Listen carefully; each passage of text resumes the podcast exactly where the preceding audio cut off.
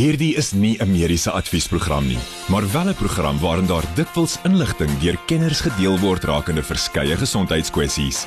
Vir persoonlike raad of advies, raadpleeg jou mediese dokter of sielkundige. Groot trauma met Pieter Kloete en dokter Jaco van die Kerk op Groot FM 90.5.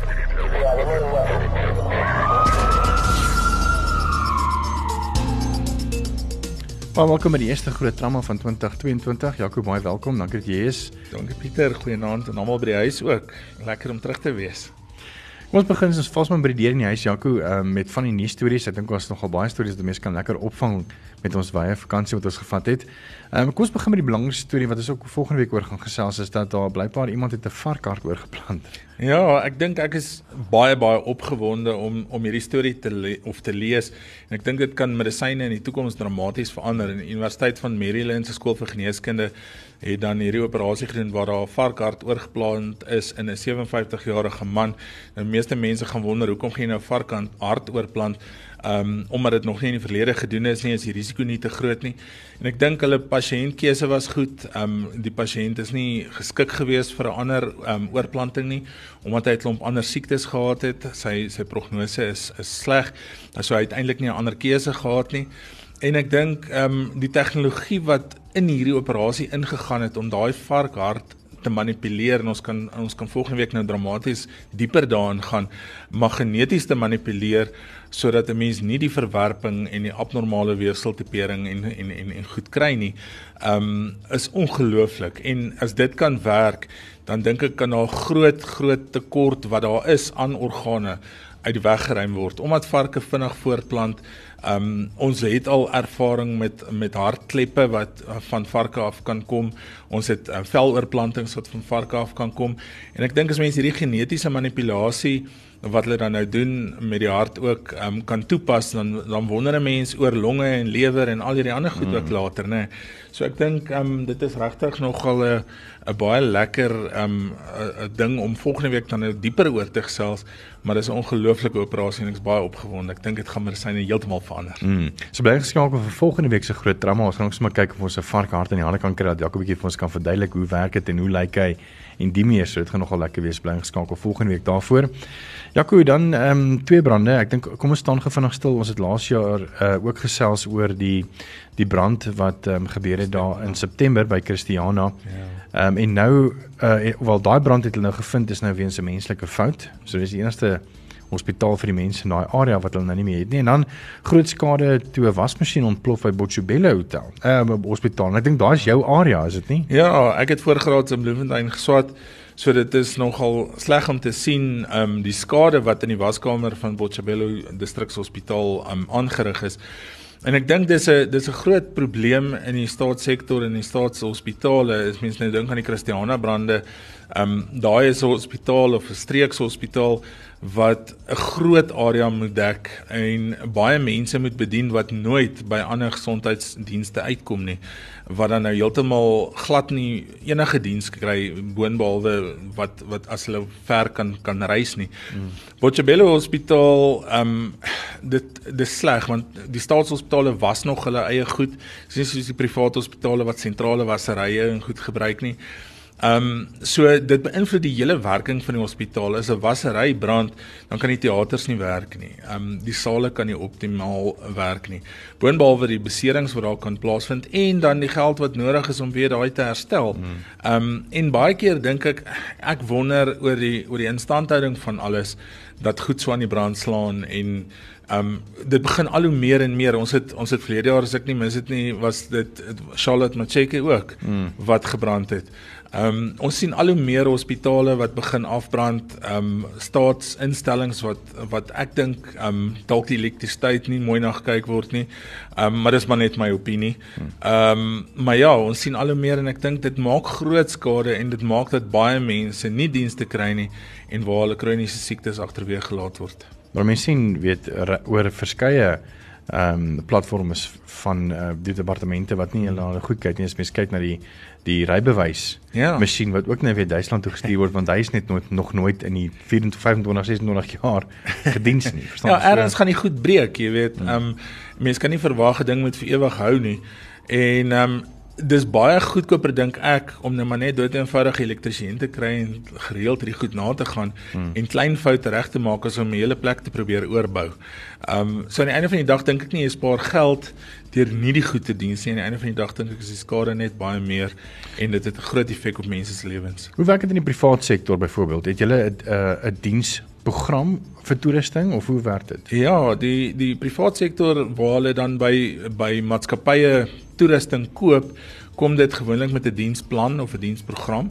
Ehm um, maar al die hospitale het ook 'n instandhoudingsafdeling waar daar dan nou jou kliniese tegnoloë en kliniese ehm um, ingenieurs is wat dan na die die masjiene en die en die en die toestand van die hospitaal kyk. Ehm um, so as daar 'n gloeilamp blaas, dan bel jy die instandhouding en hulle kom sit vir jou 'n nuwe gloeilamp en is daar 'n uh, probleem is met een of ander ehm um, sê 'n lig in 'n teater, dan kom maak hulle hom dadelik reg. Ehm um, as daar 'n lekkasie is, dan bel jy hulle en sê daar's 'n lekkasie, gemaak het reg, jy wag net tot die dak inval hmm. voordat ehm um, dit gebeur en ek dink al die hospitale en ek dink al die groot hospitaalgroepe het instandhoudingsdienste wat by elke hospitaal gestasioneer is wat op die perseel is om dan instandhouding te doen. Dan nog 'n artikel wat sê en dit is my nogal baie skokkend is dat 15 tienermeisies het op Nuwejaarsdag in die Oos-Kaap ma geword en dis net op Nuwejaarsdag en die jongste daarvan 13 jarige meisie. Ja, dis ongelooflik. Ehm um, dis 'n nuwejaarsdag, maar ek dink dis dis nie 'n unieke gebeurtenis nie. Ek dink elke elke dag gebeur sulke goed. Ehm um, dis net skrikwekkend om te dink dat 'n 13-jarige meisie ehm um, moet geboorte skenk aan 'n 2.7 kg babatjie.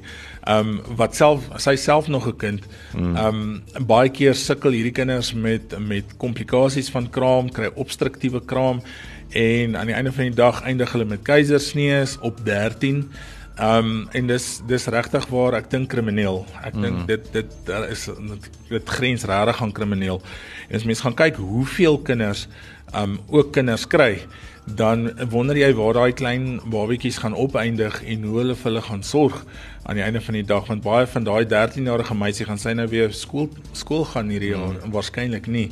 En ek dink dit is regtig waar ehm um, 'n groot kommerwekkende statistiek wat daar gegee word. En ek wonder as 'n mens net weer gaan kyk en ek dink die artikel praat ook daaroor. Um praat met jou kind, ondersteun jou kind, um en en en wees oop met jou kind en laat jou kind kan praat met jou, dan gaan jy waarskynlik minder tienerswangerskappe sien. Um maar ja, dis skrikwekkend. Ja, kan ons 'n artikel wat nou weer ehm um, hulle het nou alweer laas jaar in Desember het hulle gevra hoor asseblief vir die Suid-Afrikaanse Nasionale Bloeddiens wat vra vir vir bloed. Ehm um, ek weet Ruben het ook daaroor gesels en baie mense sê uh hulle wil nie bloed skenk nie want ehm um, hulle hulle skenk dit verniet, maar as hulle nou dit nodig het dan moet hulle betaal daarvoor. Ja, ek dink dit is dis regtig nogal 'n 'n slegte ding en ek ek besef mense gee van hulle self verniet en bloed is baie duur. Maar die rede hoekom bloed geld kos, um, as jy dit weer moet kry, is die feit dat as jy 'n bloedoortapping kry, is daai bloed getoets vir hepatitis B, vir HIV, vir 'n redelike klomp ander virus siektes ook. Um boonbehalwe dit is daar preserveermiddels wat moet gebruik word, anders gaan hierdie bloed uit die aard van die saak nie meer reg wees teen die tyd dit by jou uitkom nie die die houers waarin dit geberre word, die koue ketting wat gehou moet word. So daai bloed moet afgekoel word vandat dit by jou gevat word en daai bloed mag nooit bo 'n sekere temperatuur kom voordat dit by die volgende pasiënt uitkom nie. So nou kom dit by die bloedoortappingsdiens uit. Hulle hou dit in hulle yskaste wat verseël is. En die oomblik wat jy 'n seël breek en nie meer daai bloed gebruik nie want jy weet nie of hy warm geword het al dan nie en dan kan jy dit nie gebruik nie want anders kan jy reaksies kry by 'n mens en dit moet vervoer word na die hospitale waar dit waar dit nodig is. So boonbehalwe die vervoerkoste daarin verbonde is dit ook dit moet koud vervoer word en onder 'n spesifieke temperatuur vervoer word anderster is dit nie veilig vir gebruik nie. Hmm. En daai goed kos ongelukkig geld en omdat die Suid-Afrikaanse bloedoortappingsdiens nie 'n winsgewende organisasie is nie, kan hulle nie wins maak daaruit nie, maar hulle moet tog darm hulle uitgawes kan dek hmm. um, om daai bloed daar te hê. Ehm um, ek weet ons het op 'n stadium in Desember ehm um, e-posse ontvang wat sê in by by by die trauma eenhede wat sê ons ons land het minder as 2 dae se bloedvoorraad oor. Jy weet, dis regtig waar ongelooflik min. Ehm um, baie van die ongevalle eenhede en ek in 'n groot ongevalle eenheid wat redelik besig is, het nie meer as 4 eenhede bloed op noodbystand nie. Sure. Ehm um, op 'n slag nie. Jy weet en is as jy 'n massiewe bloeding kry, is 4 eenhede bloed nie so baie nie. Ehm um, en as dit op is, is dit op. Dan moet jy eers laat aanry na jou hospitaal. Dus ek dink dit is regtig waar nog steeds baie baie belangrik vir mense om bloed te skenk en dit kos regtig ongelooflik baie om daai bloed weer terug te kry by jou. Hmm. Ons net hier nou weer terug en ons gaan 'n bietjie praat oor postuur by die werk. So bly gerus ingeskakel daarvoor. Groot trauma op Groot FM 90.5. Welkom terug. Ek is Pieter Kloete saam met Dr. Jaco van die kerk soos altyd en uh, ons gas vanaand is Anneke Jansen van Vieren. Sy is 'n fisioterapeut. Ons gaan 'n bietjie vanaand praat oor postuur en wat jy moet weet oor postuur. Eers Anneke, baie welkom en vertel ons 'n bietjie meer oor fisioterapie. Weet wat wat se werk doen julle eintlik? Om nou net nie ons mite weggee nie, né? Goeienaand Pieter, baie dankie, dis lekker om hier te wees. Jo, ehm um, jo, dit is 'n uh, fisioterapie. Kom ek beskryf hom so as 'n naam. Dis physical therapy, so dis basies terapie vir jou lyf. En daarbey kan ons uitbrei, jy weet, ons ons kyk na oefening, ons kyk na pyn, ons daar's verskillende takke, neuro, pediatrie. Jy weet, dis regtig 'n groot 'n verskeidenheid wat ons as as fisioterapeute dek, maar ons groot passie is maar die mens en sy lyf en jou fisiese kondisie. Mm. mm. En ehm um, dis eintlik vir ons mediese mite minuut en eh uh, Janko, is jy reg? Jy gaan ja. ons. Ja, ons praat vanaand dan um, oor fisioterapie as sulks ook. En ek dink almal dink daar buite fisioterapeute is daar vir masserings en longeklop. En uh, dis wat die meeste mense dink daar buite. En ek dink ons gaan ons gaan vanaand heeltemal daai mite breek deur vir mense te wys dat daar baie groter deel is en en 'n baie groter funksie is vir fisioterapeute as net om te masseer. As jy wil masseer, gaan en gaan geniet dit op 'n ander plek en nie by die fisioterapeut noodwendig. ja. Nou by 'n fisioterapeut kry jy meer as 'n happy ending, jy weet. ja, nee, jy kry dalk pyn ook by hulle, nê.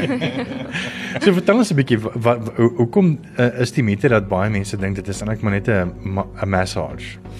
Ek ek weet nie eintlik waar dit ontstaan het nie, Pieter. Ek dink 'n groot deel van wat ons doen is maar jy weet om met die spiere te werk en te vat en jy weet fisies aan mense te raak. So ek dink daar is waar dit ontstaan het uh, dat dat mense al gedink het hulle ons kom vir 'n massering, maar ek dink ja, letterlik ons het ons ons swat nog ons hart en lank en wyd om om baie meer as dit vir mense te bied en ek dink dit is belangrik om te weet. Jy weet van my kant af jy gaan nie in my kamers instap en gevry word net nie. Ja. Jy weet, ek gaan altyd vir jou ietsie bygee, soos 'n oefening, iets om te apply by die huis, iets om in te bou in jou lewe in. Ja, ek dink me, mense daar buite baie keer fragmenteer met mediese ehm um, jy weet beroepe. Hmm. Hulle sal sê die dokter doen dit, die fisio doen dit, die arbeidsterapeut doen dit, ehm um, die eetkundige doen dat. Maar eintlik is dit 'n multidissiplinêre span benadering. So elkeen het sy eie deel in daai selfde span, maar jy weet of sy het nou gesê neuro neuro is byvoorbeeld te deel. Ek doen 'n stukkie neuro, sy doen neuro, almal arbeidsterapie doen neuro en almal dra by tot die tot die goeie uitkoms van 'n pasiënt se toestand. Uh, ek dink net daar's 'n miskommunik of misinterpretasie daar buite en ek dink nie mense weet baie keer hoe werk 'n multidissiplinêre span nie en hoe alles geïntegreer is eintlik.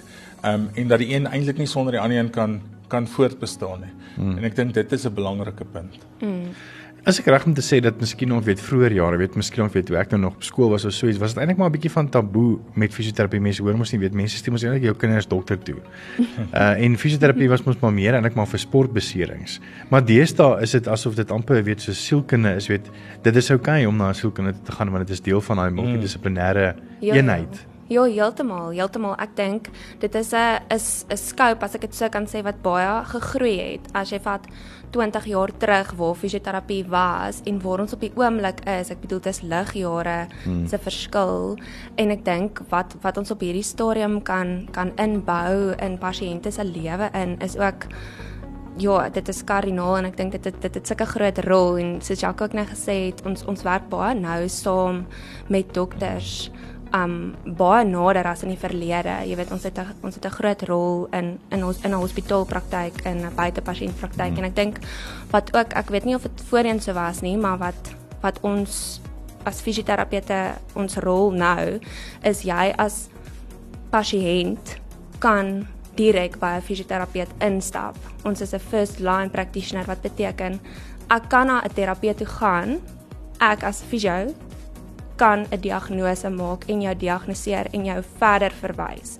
So dit is wat voorheen ek weet nie of dit voorheen ingebou was in ons mm -hmm. in mhm. ons praktyk in nie. Maar ja, so jy kan met 'n uh, sê maar 'n nekbesering met my instap en ek is heeltemal in staat daartoe om te toets en te kyk en vir jou te diagnoseer met met wat fout is en jou van daar af te help en verder te verwys. Jaco is ehm um, dokters ook bietjie meer oorgehaal vir fisioterapeute. Uh as mens dink miskien 20 jaar terug as iemand ingestap en gesê my, my ek het kopseer hierso. Uh, ek dink dis angs of iets maar eintlik is dit net postuur en sulke goeds en dan gee die dokter net vir 'n spierverslappers en sê nee wat jy sal beter vir môre. ja definitief Pieter ek dink in die in die area waar ek is is daar spesifieke fisioterapeut wat lief is vir twee toestande wat dokters eintlik baie moeilik behandel. En een van dit is plantare fasciitis, is hierdie pyn onder die voet wat as mense opstaan in die oggend en dan pyn dit verskriklik. En die ander ding is Achilles tendinitis, hierdie hierdie hierdie kuit seëning wat so seer is. En weet is is iemand na dit toe of na jou toe kom met dit dan weet jy jy gaan sukkel. Ehm um, en dit gaan lank vat. Maar ehm um, daar is selfs fisioterapeute wat daarvan hou. Ek kan dit nie glo nie, maar daar is, jy weet. en wat verkies om dit te behandel en wat goeie uitkomste het. Hmm. So baie van daai toestande en en, en baie fisioterapeute het voorkeure vir sekere goed. Hmm. Ehm um, en ek dink dit is goed dat daar ook is ek wil amper sê subspesialiteite is onder fisioterapeute. En dis goed dat ons weet watter fisioterapeute van wat hou en hulle ons het hulle nodig om ook hmm. ons te help in daai behandeling want anders is jou uitkomste nie so goed nie. So daar's definitief 'n groot verandering dink ek in die laaste paar jaar ten opsigte van dit. Want jy kan dit ook sien nê Anneke? Ja ja ja nee, verseker. Ja, verseker. Ek dink ehm um, vroeër jare het jy nie sommer 'n fisio gekry wat som toer op 'n span nie. Hmm. Dit was maar die dokter en nou speel die fisio nog 'n belangrike rol. Hmm. Ja, en dit ja, ons behandel 'n groot verskeidenheid soos Jacques en hy gesê het, ons elkeen het maar ons goedjies waarvan ons hou om te behandel. Sanneke Jansen van Vieren van Jansen van Vieren fisioterapie so Linwood en ook in Morletta Park. En ons het net nou 'n bietjie gesels oor postuur by die werk en nou ook by die huis van gesien mense van die huis al werk. So bly gerus ingeskakel daarvoor. Groot trauma met Pieter Kloete en dokter Jaco van die Kerk op Groot FM 90.5. Net van ons voortgaan, ek moet ek ek het nou vergeet want dit is nou die eerste program van die nuwe jaar, maar ek moet vir jou vra as jy enige vrae het vir Dr. Janku van Niekerk aan die einde van die program as jy meer as welkom om daai vrae vir ons te stuur op WhatsApp. Dit kan enigiets wees, dit hoef nie net oor ons onderwerp te wees vanaand nie. 061 6104576 onthou standaard tariewe geld. Ek sien iemand het sommer klaar vir ons 'n vraag gestuur wat sê: "Haai julle, net hoor of julle een of ander tyd gaan praat oor die masjien wat stikkend is vir die bestuurslisensies." maar kyk as hy 'n dokter nodig gehad en dan kom ons vanaand daaroor gepraat het. maar ek is seker sodra mens meer weet dan sal mense 10 teen 1 kom ons praat daaroor of by een van die uh, middagprogramme of oggendprogramme saam met Ruben hulle dalk bietjie meer oor die ding hoor. Maar die ding is nou in Amerika soos om te worry daaroor nie. Dis R90 ongelukkig gaan kry jou tydelike bestuurslisensie. nou gaan ons 'n bietjie gesels oor postuur by die werkplek en ons het vir Anneke Jansen van Vieren hierso. Sy is 'n fisioterapeut van eh uh, Jansen van Vieren fisioterapeute in Linwood en in Morletta Park en natuurlik dokter Jaco van die kerk mede aanbieder van die program.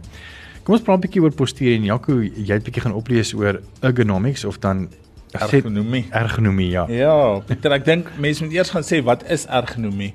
En ek dink, ehm um, as mense gaan kyk na die definisie daarvan, dan is dit eintlik 'n wetenskaplike rigting, so daar's baie navorsing wat gedoen word tussen die verwantskap tussen die interaksies van 'n mens en sy omgewing waarin hy werk. En ek dink daar's as mense gaan kyk, is daar eintlik drie hoofspesialis rigtings onder dit. Dis fisiese ergonomie. Met ander woorde, dis daar waar jy fisies, hoe sit jy agter jou agter jou lesenaar? Ehm um, hoe gebruik jy jou jou keyboard? Het jy 'n enkel keyboard of daai split keyboards? Mm. Het jy 'n staan tafel wat jy agter kan kan regop staan? Ehm um, so dis die fisiese ergonomie, jy kan kognitief en dan organisatoriese ergonomie. Ehm um, wat wat mense nou minder oor praat en wat daar nog baie werk op gedoen word.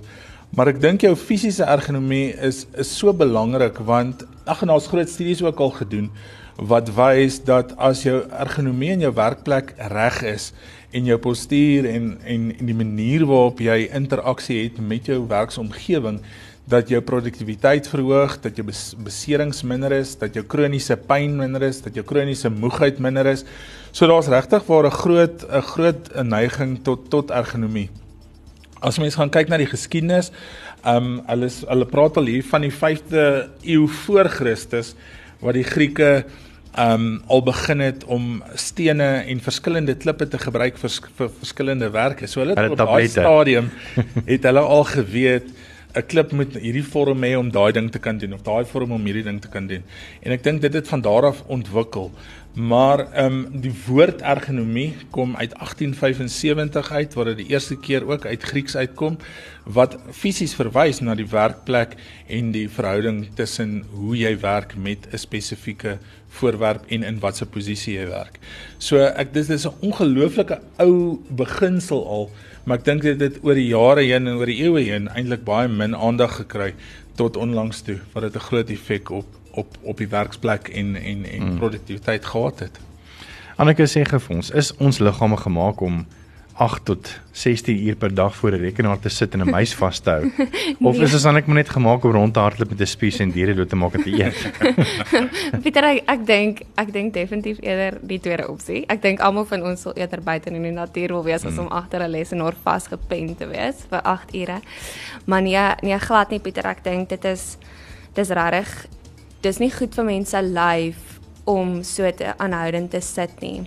Jy weet dit dit gaan vir my um baie oor oor die volgehoue posisie van mense lyf. Jy weet hy hy neem daai ek wil amper sê daai vorm, vorm aan. Jy weet dit raak sy program. Um jy weet en as jy as jy heeldag sit sit sit en jy moet skielik jou kind agter in op die sitplek jy weet gaan haal of omdraai jy weet dan wonder mense hoekom maak my rug skielik vas? Dis omdat hy nooit in daai rigting in beweeg nie want ons is so vooroorgedrewe in hierdie gebukkende posisie. So definitief ons moet meer beweeg. Ons moet ons kan ons kan nie heeldag sit nie. Ons is nie gemaak vir dit nie.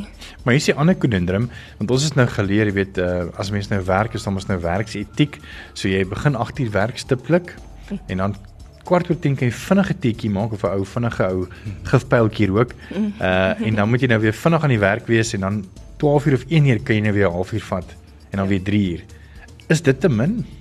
Ja, Pieter, ek ek voel dit is te min. Dit is regtig te min. So dis hoekom jy sal sien die samelewing beweeg ook meer na jy weet om om in die werksplek vir jou dit makliker te maak om hier en daar 'n bietjie te staan of jy weet om om 'n is soos deesdae ons mens van die huis af werk is om ons baie aanlyn wat jy 'n call moet vat of in 'n hmm. vergadering moet sit.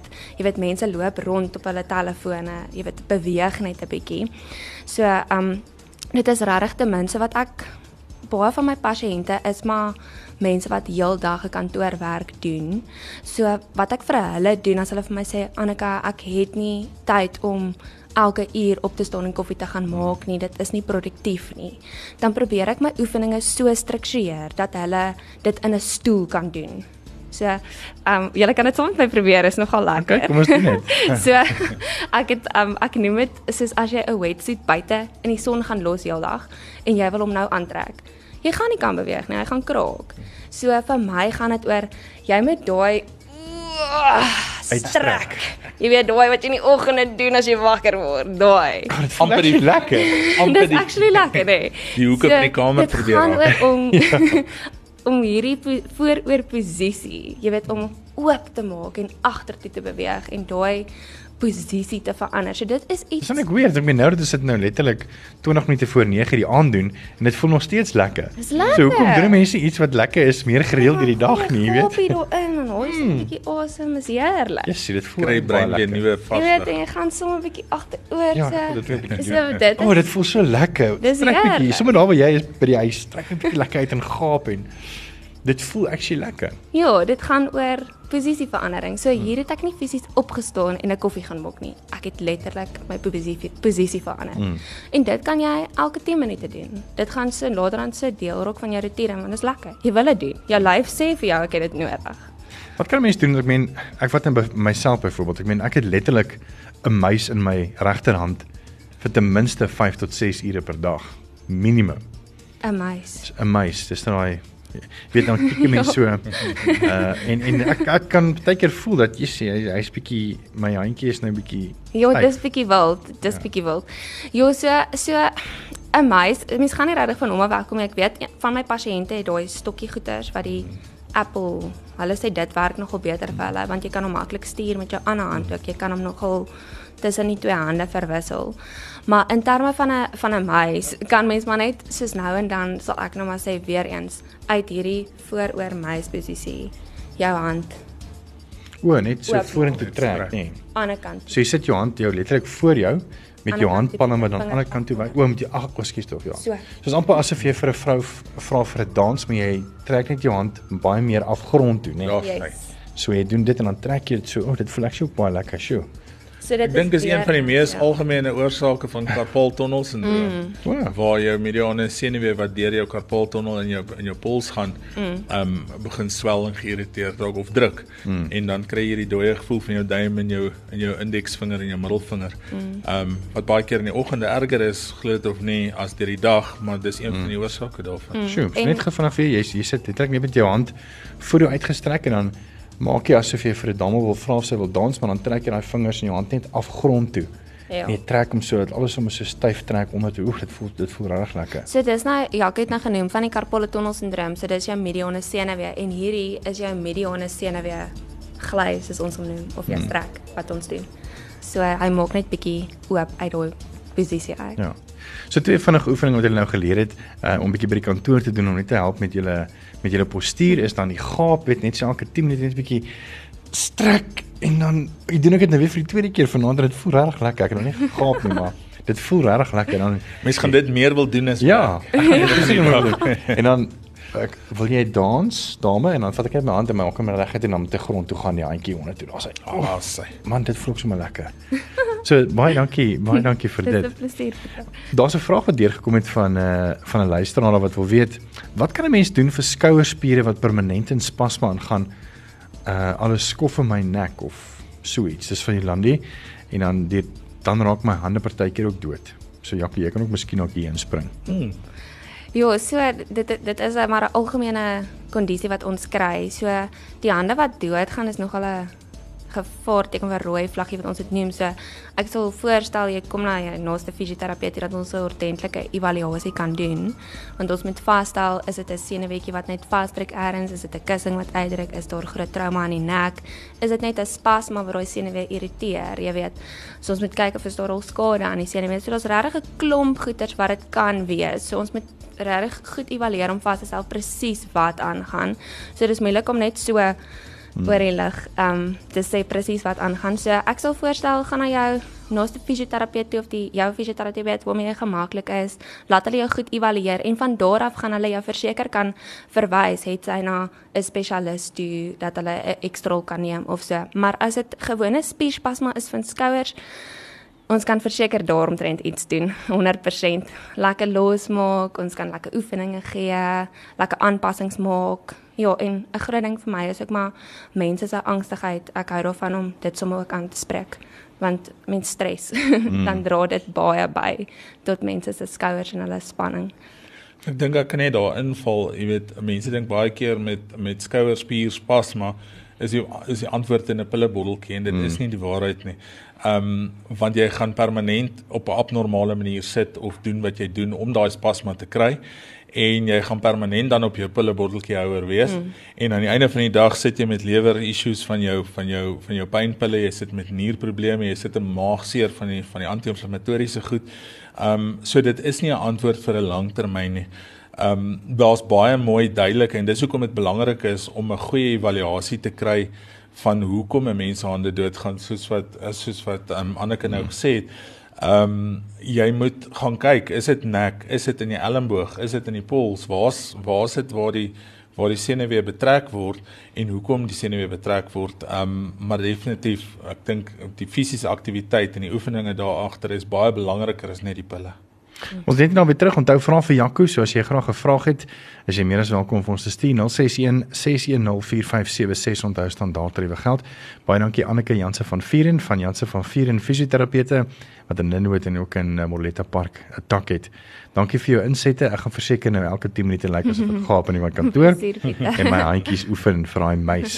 Dit was nou baie lekker. Met die volgende program bo Groot FM 90.5 om jou as luisteraar met die nodige inligting oor 'n spesifieke onderwerp te voorsien. Alhoewel hierdie inligting dikwels deur 'n kenner op die gebied gedeel word, word jy aangemoedig om jou mediese dokter of sielkundige te besoek vir persoonlike advies of raad. Groot trauma met Pieter Kloete en dokter Jaco van die Kerk op Groot FM 90.5. Welkom terug is tyd vir vrae vir Jaco. Nou kom ons kyk 'n bietjie maar van die boodskappe wat hier gekom het. Ja Pieter, ek dink ehm um, die mense begin met moeilike vrae. Die jaar is nog jonk. Ek moet nog eers bietjie bietjie warm word dink ek soos die jaar vorder. Maar net het gevra Ehm um, ek wil graag weet hoe 'n mens ek en ek neem aan as 'n kind van 4, hoe weet 'n mens 'n kind van 4 is autisties? René, dis 'n autisme is 'n ongelooflike moeilike siekte en is is nie altyd maklik om te diagnoseer nie, veral nie op die ouderdom van 4 nie. So ehm um, ek weet nie Pieter as ek mag en sal ek vir na die tyd net ehm um, hmm. op haar boodskappe privaat boodskap stuur wat vir jou 'n pediater wat 'n ontwikkelingspediater is, ehm um, se details gee en ek dink dit is die belangrikste om 'n evaluasie by of dan 'n ontwikkelingspediater te kry of dan 'n neuropediater of 'n neuro um, neuroloog. Ehm um, want dit is nie net 'n 15 minute of halfuur konsultasie nie, dis regtig waar nogal intensiewe um, ondersoek en toetse. Ehm um, en dis 'n baie moeilike diagnose. So dis 'n dis 'n paadjie wat mense stap en dis ook nie 'n ding wat jy stap vandag in of vanmiddag in en en oor 'n halfuur is jy uit en jy het die diagnose of nie. Hmm. Ehm um, dit gaan dit gaan maar 'n tydjie vat. Maar ek sal vir 'n boodskap stuur dan 100%. Ehm um, dan het Boffa gevra, "Naand, welkom terug. Ek wil net graag weet, ehm um, my seun het 'n probleem as hy begin sweet, dan begin hy juk, ehm um, sodat dit hom baie irriteer." Ehm um, die oomblik wat jy sweet, dan kan 'n paar goed gebeur. Een, mens kan kontakdermatitis kry van jou sweet, glo dit of nie. Ek kan nie sê jy is vir jouself allergies nie, maar jou vel kan sensitief wees daarvoor. So in jou oppervlakkige vel of in jou oppervlakkige vaatjies binne en bloedvaatjies binne jou vel of jou kapillêre vaatjies is daar mastselle in daai mastselle kan as hulle gestimuleer word kan histamien vrystel en dis wat jou so laat juk. Maar dit is nie net die sweet wat as 'n kontak irritant ehm um, die oorsaak kan wees nie. Ehm um, jy kan ook soos wat ons nou van die liggaaf ook gepraat het as sekere wassepe ehm um, wat jy klere mee was of die ehm um, versagmiddels ensovoorts kan ook dan 'n 'n bydra lewer want dit word klam en nat en dit hmm. kan 'n effek hê op die vel. Nou as sweet as sulks die probleem is, dan is daar 'n paar oplossings. Daar's medikasie wat mense kan gebruik um, wat relatief goed werk. Dis 'n redelike duur oplossing um, as mens die goeie medikasie op die mark gebruik, maar dit werk. Die tweede op, oplossing vir sweet is dan uit die aard van die saak die botulinum to toksien wat gespuit kan word wat baie effektief is, maar dis dan botox nie. nie. Dis hy wat dan uh, wat dan ehm um, van van tyd tot tyd herhaal moet word. Ek het nogal maar hoor baie mense gebruik dit. Uh, baie en met groot groot groot um, sukses. sukses. Mm. En dit hou dit hou langer en mense dink is duur, maar dit is as mense dit vergelyk met die medikasie, is dit eintlik goedkoper. Mm. En dan is dit regtig waar erg is, maar dit is dit is regtig 'n laaste uitweg is ehm um, die 'n prosedure wat ons 'n torakoskopiese simpatektomie noem waar die torakschirurge gaan en daai simpatiese senuweetjie letterlik kan gaan afsny wat dan die sweet in daai area um, veroorsaak. Ek, ek dink nie mense moet daaraan eers gaan dink nie. Mm. Dis dis net um, vir volledigheidshalwe, maar aan die einde van die dag daar's daar's baie oplossings om dan die sweet um, op te klaar. Maar nog 'n vraag hierso um, wat uh, iemand wat vra enige oplossing vir lae rugpyn aan regterkant. Nou gelukkig is ons fisioterapeut ook nog hierso, maar Jaco, jy kan sommer begin. Ek dink dit hang af wat se deel van medisyne jy doen. Jy weet, as jy my eerste antwoord gewees regterkantste lae of pyn wat na die regterbeen toe gaan is waarskynlik radikulopatie wat kom van jou lae rug af, so senuwee wat druk in jou lae rug. So ek begin ek sal begin by 'n um, by 'n by waarskynlike MRI van die lae rug om te kyk hoe lyk die rug die rugwervels, die diskusse tussen die wervels en dan die openinge waardeur daai senuwees kom wat na die been toe gaan, veral aan die regterkant. Daar's uit die aard van die saak ander oorsake ook en ek dink dis waar die fisioterapeut inkom. ja. Ek dink as ek as ek iemand kry met so 'n uh, aan die een kant lorgpyn, is gewoonlik maas wat kinders dra of paas wat kinders dra of so dan is my my eerste antwoorde wat ons noem quadratus lumborum. Dit is 'n spier wat so diep diep diep in die rug sit. Hy kan mense nogal potjie en ek hou daarvan om ook na mense buite kyk. Hy hy kan ook nogal so lorig kwaai maak, maar weer eens, soos Jacques sê, groot evaluasie wat agter dit gaan. Jy weet ons kyk eers mooi, is daar verwyste pyn, hoe lyk sy beweging, jy weet hoe lyk sy omvang. Ons kyk na die heup. Ehm um, ja, is regtig regtig baie goedjies wat wat mense lorig kan beïnvloed. Ja. Dis Anneke Jansen van Vierens, sy is 'n fisioterapeut. En dan net 'n laaste uh, kom ons doen nog gou net hierdie netjie voor ek by hierdie uitkom. Uh Nant Pieter en Spar my regterhand het nie gevoel nie, dit is dooie gevoel. Karel. Ja, ek dink as 'n mens meeste dooie gevoel um simptome is as gevolg van 'n senuwee wat ergens druk. En as dit in die hand is, is dit is dit op verskeie plekke waar dit kan gebeur. Dit kan of in die pols wees.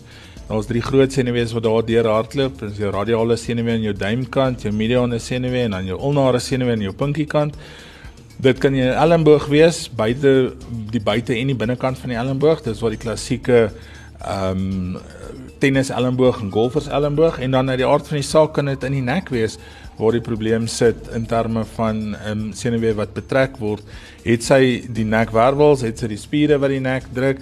So wat baie keer help um, is boonbehalwe die kliniese ondersoek is wat ons praat ook van 'n EMG studie of 'n um, senuwee geleidingsstudie waar mense kan gaan kyk waar uh, hulle sit 'n klein elektriese impuls deur die senuwee en daar waar die geleiding van daai elektriese impuls vers, verstadig of of um, vertraag word dis gewoonlik waar die die probleem sit. So dis eintlik 'n relatief eenvoudige ondersoek, relatief goedkoop ondersoek om 'n baie duidelike en definitiewe diagnose te kry.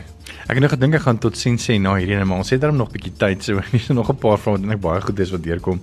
En dit is nou ongelukkig nie te moeilik nie, so ek ek het net gewens vir baie moeiliker vraag vir die begin van die jaar. Dit is 'n fisioterapie vraag dink ek hierdie. So Irina vra goeie naam, my linker kuit trek heeltyd styf as ek loop en is baie seer. Wat kan dit wees? ek was so met 'n kite as ek nou weer um versigtig vir al nou hierdie vaccinations. So ek hou nogal daarvan om net seker te maak daar's nie 'n bloedklont nie, maar ek wil nou nie enigiemand bang maak en ja, moet as ek hmm. glad nie nou dink jy het 'n bloedklont in jou linker kite nie. Hmm. Maar ja, weer eens, ons gaan ons gaan moet kyk, dit kan van die Achilles afkom, kan onder die voet wees. Dit gebeur baie keer as mense nou van die strand af gekom het. Hulle het kwai kalvoete geloop op die strand op 'n ongelyke oppervlakte, daai kite het ekstra hard gewerk en hy trek stokstyf. Ehm um, ja, dan kan as dit net die een kant is, moet ons kyk is daar 'n wanbalans erns. Dit gebeur nie aan albei kante nie. So ons moet gaan kyk waar waar lê daai wanbalans. Hmm. So dis nogal 'n yes, weer ons moet evalueer om te kan kyk en sien wat aangaan. Ek dink die begin van die evaluasie is belangrik in terme van 'n geskiedenis. Hoe lank is dit al daar? Hmm. Ehm mm. um, kom en gaan dit word dit erger oor tyd.